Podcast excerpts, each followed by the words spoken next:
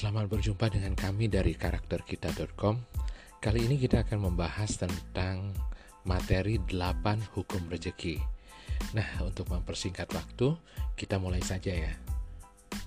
Pada saat Allah akan menurunkan manusia ke bumi, Allah mempersiapkan bumi untuk dapat menopang kehidupan manusia dan memenuhi segala kebutuhannya.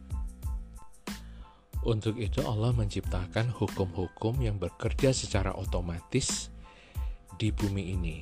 Seperti misalnya hukum gravitasi bumi, hukum uh, law of attraction, dan hukum-hukum lainnya. Salah satu hukum itu yang mungkin jarang dibahas adalah hukum rezeki. Nah, hukum rezeki ini ternyata ada delapan. Kalau menurut yang saya pelajari ada delapan hukum rezeki yang dia sebenarnya akan bekerja secara otomatis bagi orang-orang yang memasuki wilayah hukum tersebut atau melakukan hal yang tersebut di dalam hukum tersebut.